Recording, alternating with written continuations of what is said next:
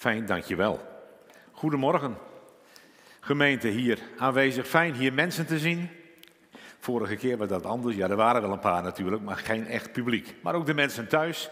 Fijn uh, u ook op deze wijze weer te kunnen ontmoeten. Ja, het is vandaag een speciale dag. Moederdag.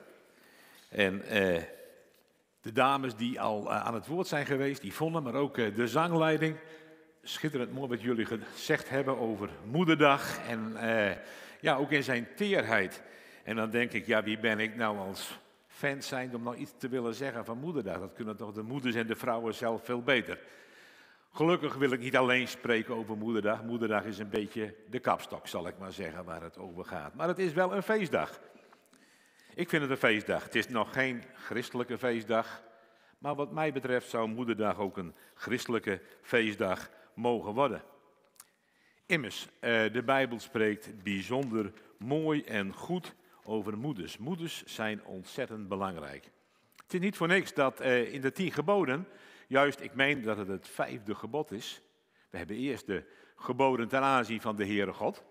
Maar aan de andere kant hebben we de geboden ten aanzien van de naaste, de mensen om ons heen. En het eerste gebod is, eer uw vader en uw moeder. Wow, dat is wel iets om even over na te denken. Je moeder is heel belangrijk en je vader trouwens ook. Maar vandaag staat de moeder centraal. En Paulus zegt erbij, het is het eerste gebod met een belofte. Zo, er zit nog een belofte aan vast ook nog. Belangrijk voor ons, jeugd, kinderen, maar ook ouderen, om je moeder en je vader in ere te houden. Nou, daarom is zo'n eh, moederdag een pracht van een feestdag. Toen ik erover nadacht, dacht ik, ja, appeltje, eitje, natuurlijk. Moederdag. Logisch, het is dan niet moeilijk, daar hoef je niet moeilijk over te doen. Natuurlijk koop je iets voor, uh, voor je moeder of je maakt iets als je nog jong bent, op de basisschool zit. Natuurlijk, dan maak je iets heel moois voor je moeder. Of je koopt iets en ook als, als vader zijnde natuurlijk uh, koop je iets, of niet, mannen? Ja, mijn vader hield er nooit zo van. Ik denk toen ik jong was, toen was denk ik moederdag net een beetje uh, in zwang gekomen. En die zei, moederdag, moederdag. Dat is een verzinsel van de winkeliers, van het groot winkelbedrijf. Die wil natuurlijk extra verdienen. En uh, als mijn moeder zegt, nou, uh, moederdag uh, Willem, hoe staat het ermee? Dan zegt hij, joh, je bent mijn moeder toch niet?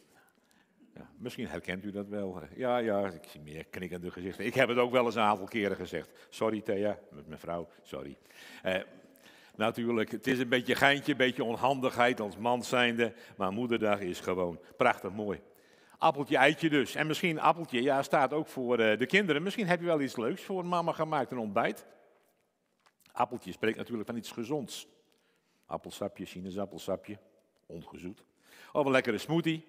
En eitje natuurlijk een lekker pistoletje met een gekookt eitje erin. Dus ja, appeltje, eitje natuurlijk op moederdag, een ontbijtje. Maar ik heb ook achtergezet puntje, puntje en een vraagteken. En dan kom je inderdaad bij, uh, ja, moederdag. Voor niet iedereen is dat een feestdag. Daarom moet je ook heel voorzichtig zijn. En misschien wordt er ook wel niet zo vaak in de dienst over gesproken in een preek. Tenminste, ik heb het nog nooit eerder gedaan over moederdag.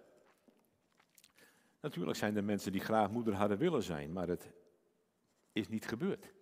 Geen kindje gekregen, of een kindje gestorven. Of gewoon geen relatie.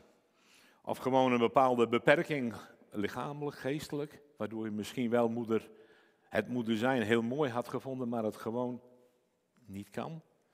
Er is ook veel verdriet rondom Moederdag. En gelukkig hebben de dames dat al heel mooi uitgelegd. Hoef ik niet verder op in te gaan. Want dat is het ook. En toch, waarom Moederdag? Nou, het stukje wat ik ga lezen gaat niet zozeer over Moederdag, maar wel over moederschap. En nog meer centraal vrouwen, krachtige vrouwen. Krachtige vrouwen. En we mogen onze moeders wel in het zonnetje zetten vandaag, want het zijn stuk voor stuk krachtige vrouwen. Mijn eigen moeder, en ook als ik naar mijn vrouw denk, dat zijn op zich hele lieve, uh, bescheiden vrouwen. Maar als het om hun kinderen gaat, dan zijn het uh, leeuwinnen, zou je zeggen. Als hun kinderen in het gedrang komen, dan zie je wat er werkelijk in zit. En dat is powerful, veel meer dan wij mannen. Weet. Ja, ja, het is nog een keer zo, het is niet. Ja, ja. Wij laten dat gelaten over ons heen komen misschien soms, maar vrouwen zijn echte strijders.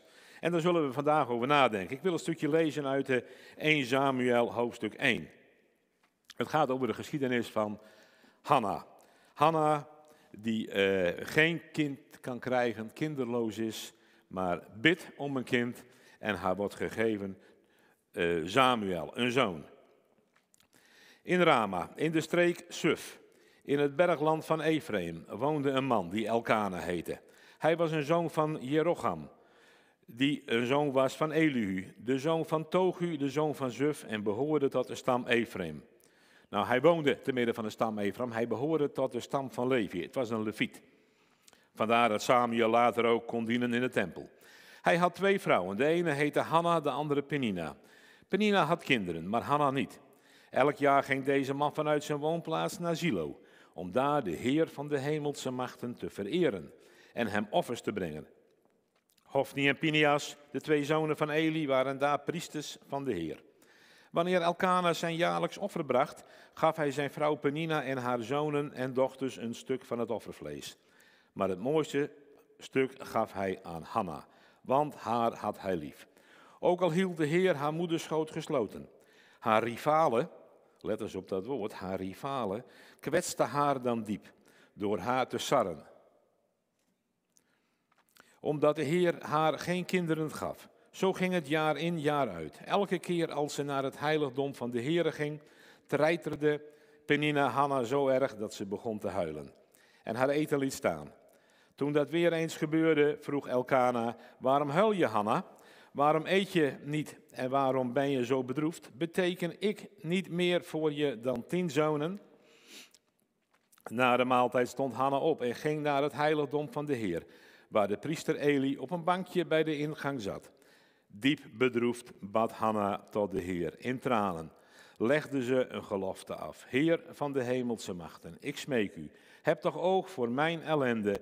Denk aan mij, uw dienares. Vergeet mij niet. Schenk mij een zoon dan schenk ik hem voor zijn hele leven aan u. Nooit zal, een haar worden af, nooit zal zijn haar worden afgeschoren. Terwijl Hanna zo lang bad, keek Eli opmerkzaam naar haar mond. Ze bad namelijk in stilte. Haar lippen bewogen wel, maar haar stem was niet te horen. Daarom dacht Eli dat ze dronken was. Hij sprak haar aan en vroeg: Gaat dit nog lang zo duren? Als u dronken bent, ga dan uw roes uitslapen. U vergist u, heer, antwoordde Hanna. Ik heb geen wijn of andere drank gedronken. Nee, ik ga gebukt onder een zwaar verdriet en stort mijn hart uit bij de Heer. Denk niet dat ik een slechte vrouw ben. Ik bid zo lang omdat ik overstelpt ben door droefheid en ellende.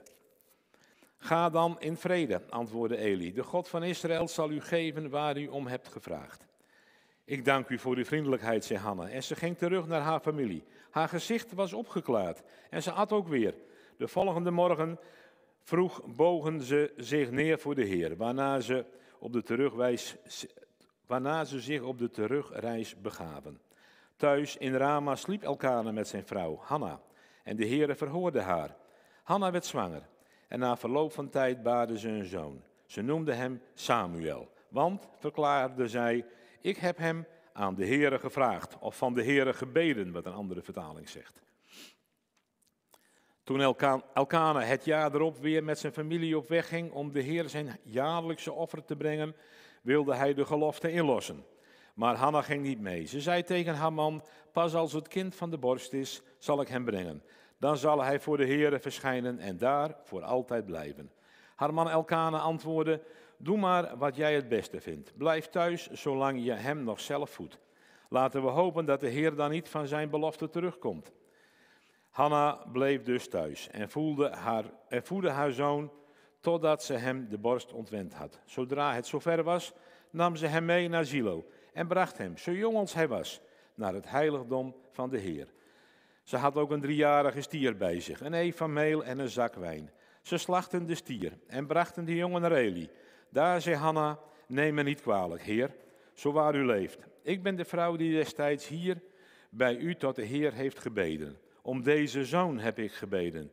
En de Heere heeft mij gegeven waar ik om heb gevraagd. Nu geef ik hem op mijn beurt aan de Heer. Voor alle dagen die hem gegeven zijn. Toen knielde Eli voor de Heer. En Hanna bad, ik lees de eerste regel van het tweede hoofdstuk er nog bij. Want het is de lofzang van Hanna. Nu juicht mijn hart dankzij de Heer. Vier heft mijn hoog, hoofd zich op dankzij de Heer. Mijn mond spreekt vrijmoedig. Tot zover. Het is misschien een lang gedeelte, maar het geeft treffend aan wat hier allemaal gebeurt. Wat allemaal bezig is in het leven van deze Hanna. Hanna is een van de grootste vrouwen van het Oude Testament. Neemt u dat gerust van mij aan. En waarom zeg ik dat? Omdat ze bad. Ja, ze is ook een groot voorbeeld voor ons. Maar vooral het tijdperk waar ze in bad. We hebben het gehad over Israël, over bevrijdingsdag, over hoe het Joodse volk geleden heeft. Een dieptepunt in de geschiedenis, absoluut. Niet alleen voor het volk, voor de hele wereldgeschiedenis. Maar hier ten tijde van Hanna was ook een dieptepunt. Het was aan het eind van het tijdperk van de richteren. Moet misschien iets aan eh, bijbelse geschiedenis proberen duidelijk te maken. We hebben natuurlijk eh, Mozes, die het volk Israël uit het land Egypte bevrijdt en door de woestijn brengt. Daarna komt Joshua en onder Joshua veroveren zij het beloofde land. En daarna, als Joshua sterft, is er geen centrale leider meer. Iedere stam heeft zijn eigen leider, iedere stam gaat zijn eigen weg. En we zien dat dat zoetjes aan bergafwaarts gaat. Maatschappelijk, maar ook geestelijk. Die tijdperk van richteren is ongeveer 400 jaar. We kennen een paar richters waarschijnlijk bij benaam. Gideon is een bekende en Simson. En de laatste richter wordt zometeen Samuel. Want na Samuel begint het tijdperk van de koningen. Eerst Saul en dan David. Hier is het op het eind. En dit, deze eindtijd is ontzettend moeilijk voor Israël. Als je het boek Richteren leest, de ene keer na de andere keer wijkt het volk af. Worden ze overwonnen door vijanden, aanbidden ze eh, afgoden. Kortom, het ziet er heel slecht uit. Het einde van Israël is nabij, zou je zeggen. En in die tijdperk gebeurt nog dit: dat daar een man is, een leviet, en hij gaat ieder jaar de Heer een offer brengen bij de tabernakel. De tempel was er nog niet, het is de tabernakel. Dat is al een bijzonder iets. Het is een van de weinigen, zou je zeggen. Het hele volk is afgeweken en er is nog één gezin die trouw ieder jaar de Heer opzoekt. De Joodse mannen hadden een opdracht. Drie keer per jaar moesten ze voor het aangezicht van de Heer verschijnen. Op Joodse feesten. Voor de vrouwen staat daar verder niks van bij. Maar deze Elkana, en dat kunnen wij mannen leren, deze Elkana neemt zijn vrouw en zijn kinderen mee. Zijn hele gezin. Hij is wat dat betreft een man die voorop gaat in zijn gezin. Belangrijk, mooi. Om de Heer te eren en te offeren. En als we aan het offer denken, denken we altijd aan de Heer Jezus. Hij spreekt hier al over. De Heer Jezus, hij komt naar voren, want hij was toch het ware offer. Zie het lam van God dat de zonde van de wereld wegneemt. Dat zei Johannes de Doper toen hij de Heer Jezus zag. Zie het lam van God. En hoe heeft de Heer Jezus onze zonde weggenomen? Door zijn mooie toespraken, oh die waren schitterend, maar die zouden ons niet kunnen redden. Door zijn wonderen en genezingen, die waren natuurlijk schitterend, maar die zouden niet kunnen redden. Nee, alleen zijn verlossend lijden en sterven op het kruis van Golgotha. Dat kon ons verlossen. Daar spreekt het offer van. Ieder offer in het Oude Testament wijst naar Christus, die zou komen. Zie het lam van God. Heel bijzonder. Mooi is dat van Elkana. Iets anders wat niet mooi is, hij had twee vrouwen.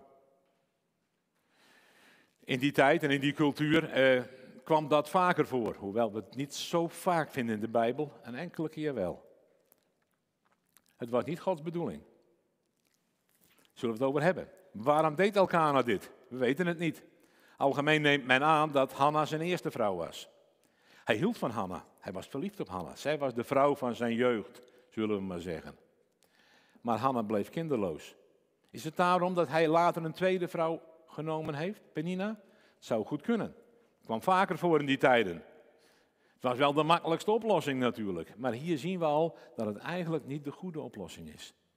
Nee, de hele Bijbel door vinden we eigenlijk Genesis 2. Als God het huwelijk instelt, zegt hij, daarom zal een man zijn vader en moeder verlaten, zijn vrouw aanhangen en die twee, let op, en die twee zullen tot één vlees zijn. Plek voor een derde is altijd uh, te krap. Kan me dat nog heugen, dat uh, dacht ik van prinses Diana. Uh, u weet, die was getrouwd met de prins van Engeland, maar er was nog een derde vrouw in het spel en ze zei iets van drie personen in een huwelijk, dat is toch wel very crowdy, bij wijze van spreken. Dat is wel heel druk, dat is heel benauwend. Nou, we zien het hier dus ook. Het is een drama. Die Hanna heeft wat over zich heen gekregen. Als ik zeg, Hanna was een van de dapperste En van de moederste en de belangrijkste vrouwen in Israël, nou haar begin was niet goed. Ze trouwt. Ja, dat was waarschijnlijk heel gelukkig. Ze trouwt met Elkana, maar na verloop van een aantal jaren blijkt dat ze geen kinderen kan krijgen. Ze kunnen geen kinderen krijgen. En dat is een diep verdriet. Het is al genoemd bij de inleiding, ook vandaag de dag is dat nog steeds aanwezig. Kan gebeuren. Gelukkig, de medische wetenschap kan veel helpen, maar kan niet alles oplossen. Leven, nieuw leven, is een bijzondere gift van God. Het is een teleurstelling voor haar. Een tweede teleurstelling zal het ongetwijfeld zijn dat er nog een tweede vrouw in huis komt. Moet je je huis delen met een andere vrouw? En kijk de dames hier aan, maar zou je niet leuk vinden toch? En nou blijkt dat overmaat van dat die vrouw wel zwanger wordt. Dus het ligt aan mij, heeft ze waarschijnlijk gedacht. Kun je begrijpen wat, ja ik als man natuurlijk maar half, u als vrouw, kun je begrijpen?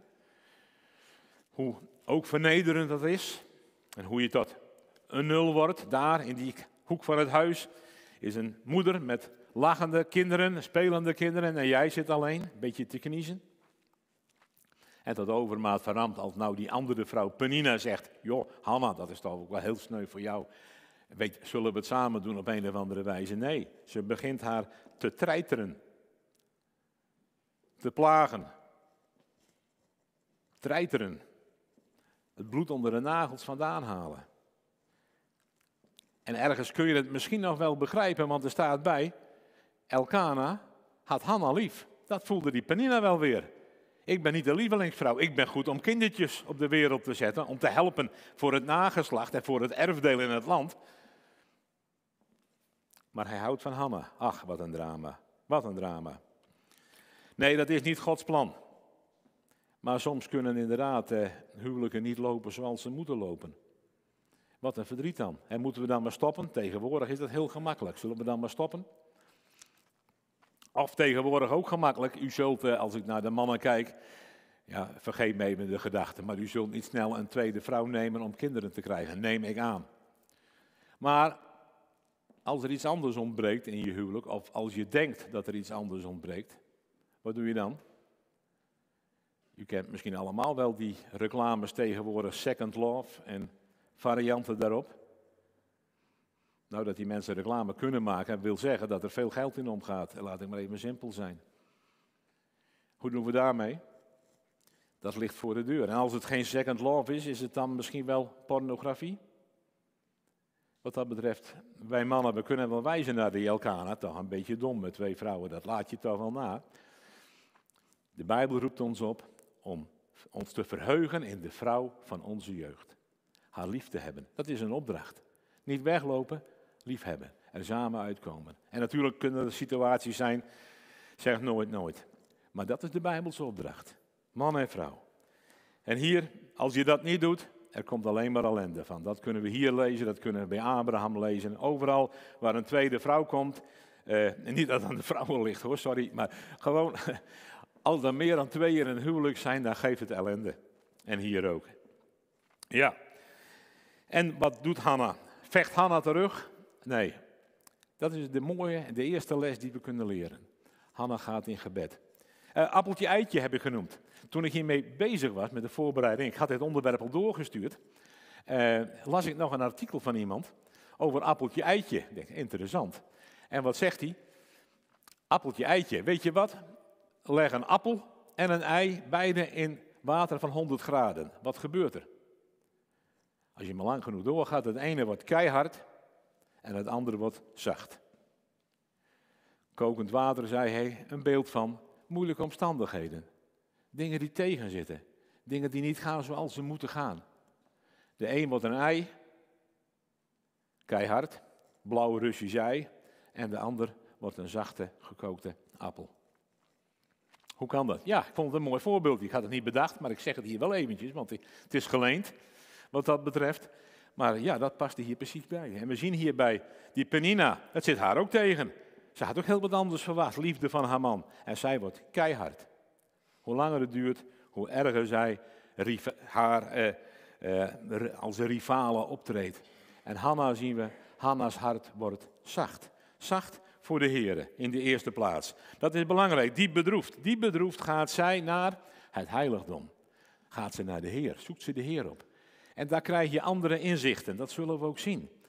In Psalm 73 is een man, ja, 73 geloof ik is dat uit mijn hoofd, Azaf. En die was ook jaloers op de goddelozen. Die gaat het allemaal goed, gaat allemaal voor de wind. Het raakt hen niet wat er aan tegenslagen is en ik probeer me te houden aan Gods wet en dat zit mij niet mee. En er staat een heel mooi regeltje bijna aan het eind, totdat ik in het heiligdom ging. Totdat we voor Gods aangezicht zijn. Totdat we naar de situatie kijken zoals God ernaar kijkt. En dan kan alles helemaal anders worden. En hier ook. Ik heb gezegd, dit was een van de diepste, trieste, meest trieste tijden van het volk Israël. Ze stonden bijna op omvallen, zou je zeggen. Maatschappelijk en ook geestelijk. Eli en zijn twee zonen, dat waren de priester, de hoge priester en de priesters, en die maakten er een puinhoop van. Eli vond alles goed. En die jongens, u moet maar verder lezen, het staat dacht ik in hoofdstuk 2 of hoofdstuk 3, die jongens die eh, verrijkten zich ten koste van de gelovigen. Ze sliepen met de vrouwen van de tenten, overspel was er aan de hand, uh, hebzucht. Kortom, dat was de mensen die geestelijk voorop moesten gaan. Wat triest. En toch gaat Hanna daar naartoe. Dat vind ik mooi van haar. Het is Gods instelling en zij gaat naar de Heere God. En we zien daar inderdaad eh, Eli verschijnen. En Eli, die zit daar maar. En helpt Eli haar? Nee, hij denkt dat ze dronken is. Kwam het veel voor? Misschien wel. Dronken vrouwen in de tempel. Waarschijnlijk is hij niet de eerste geweest. Maar zegt ook iets van Eli. Eli die had helemaal geen geestelijk inzicht in die zin. Hij moest de man zijn met het pastorale inzicht. Een diep bedroefde vrouw wil hij wegsturen als zijnde een dronkerd. Maar tegelijkertijd voltrekt zich bij Hanna iets heel anders. Dit is niet het eerste gebed natuurlijk wat Hanna uitspreekt. Hoe lang zat ze in deze situatie? Meer dan tien jaar schat ik, misschien wel vijftien jaar. Dat heeft best wel leren bidden. Maar Hanna is ook daar naar de tabernakel geweest en heeft gezien hoe het met het volk gaat. Hanna heeft geleerd dat niet alleen zij verdriet heeft, maar dat ook God verdriet heeft. Dat kun je hier zien. Want wat zegt ze? Ze zegt niet, schenk mij een kind. Ze zegt, schenk mij een mannelijk kind. Schenk mij een zoon en ik zal hem aan u geven. Hanna ziet de nood van het hele volk. En Hanna is bewust van die nood van God. En die zegt, als u mij een kind geeft, ik zal hem voor u geven. Helemaal. Want ik zie de nood van dit volk. En Samuel is een van de grootste mannen van het Oude Testament geworden. Samuel is een reformator geweest, een hervormer. Een man die het hele volk weer terugbracht bij God. En tenslotte de koningen Saul en David kon zalven. Wat een triomftocht. Eigenlijk van het meest diepe punt tot aan koning David toe heeft hij menselijk gesproken voor elkaar gebokst. Nou, dat was nog eens een minister om zo te zeggen. Dat was nog eens een geestelijk leider. Geweldig. Zij bidt om een zoon om hem aan de Here te geven. Als subtitel had ik dit stukje meegegeven. Zoek eerst het koninkrijk van God. We kennen dat liedje denk ik wel. Staat ook, het is ook een bijbeltekst. De Heer Jezus sprak het uit. Matthäus 7. Zoek eerst het koninkrijk van God en zijn gerechtigheid. En al het andere zal u erbij gegeven worden. Al het andere ontvangt u bovendien. Nou, dat kunnen we hier bij Hanna zien. Het probleem van God ziet ze onder ogen. En zij wil een oplossing zoeken voor God. Zij wil God dienen. Zij zoekt Gods koninkrijk. Zij zoekt Gods gerechtigheid in een rechtvaardige en in een, in een heilige dienst voor God. En daarom geeft God haar een zoon. En later nog meer kinderen. Ik meen dat ze met elkaar vijf kinderen er nog bij krijgt, zonen en dochters. Mooi van Hanna. Ze heeft niet gezegd, God geeft mij zes kinderen. En dan zal ik er wel eentje aan u geven, de laatste waarschijnlijk. Dat zouden wij Nederlanders doen, of niet? Eerst de buiten maar binnen, dan kun je altijd nog eens iets weggeven. Nee, Hanna doet andersom. Hij zegt, Heer, als u mij een zoon geeft, ik geef hem aan u. En ze wacht, verwacht als het ware niet eens meer. En de Heer zegent haar. Zoek eerst het koninkrijk van God. Dat kunnen we leren van Hanna. In het klein, in het groot. Ah, in het klein, in het groot zeggen. Dat vind ik altijd zo mooi van de Bijbel. Daarom is de Bijbel voor mij ja, dat is een van de bewijzen van Gods woord. God kan hele grote situaties weergeven en tegelijkertijd dat op heel menselijk klein niveau doen. Zoals hier bij Hanna. God gebruikt Hanna God gebruikt Samuel om zijn volk weer terug te brengen. Om het volk Israël weer door dit diepe dal heen te brengen. Om het eruit te halen. En tegelijkertijd zien we dat dat grote verhaal ingepakt is in heel klein menselijk leed, menselijke omstandigheden, menselijk streven, menselijk vechten ook, wat hier een Hanna doet. Dat vind ik ook zo mooi. Een ander voorbeeld daarvan, van het kruis van Golgotha. Het kruis van Golgotha, ik noemde het al. Het offer van de Heer Jezus. Om de zonde der wereld weg te nemen. Straks een gereinigde aarde. Het oplossing voor het probleem van de zonde. Enorm groot zou je zeggen, mega groot. En tegelijkertijd aan het kruis hangt er naast Jezus links en rechts een misdadiger.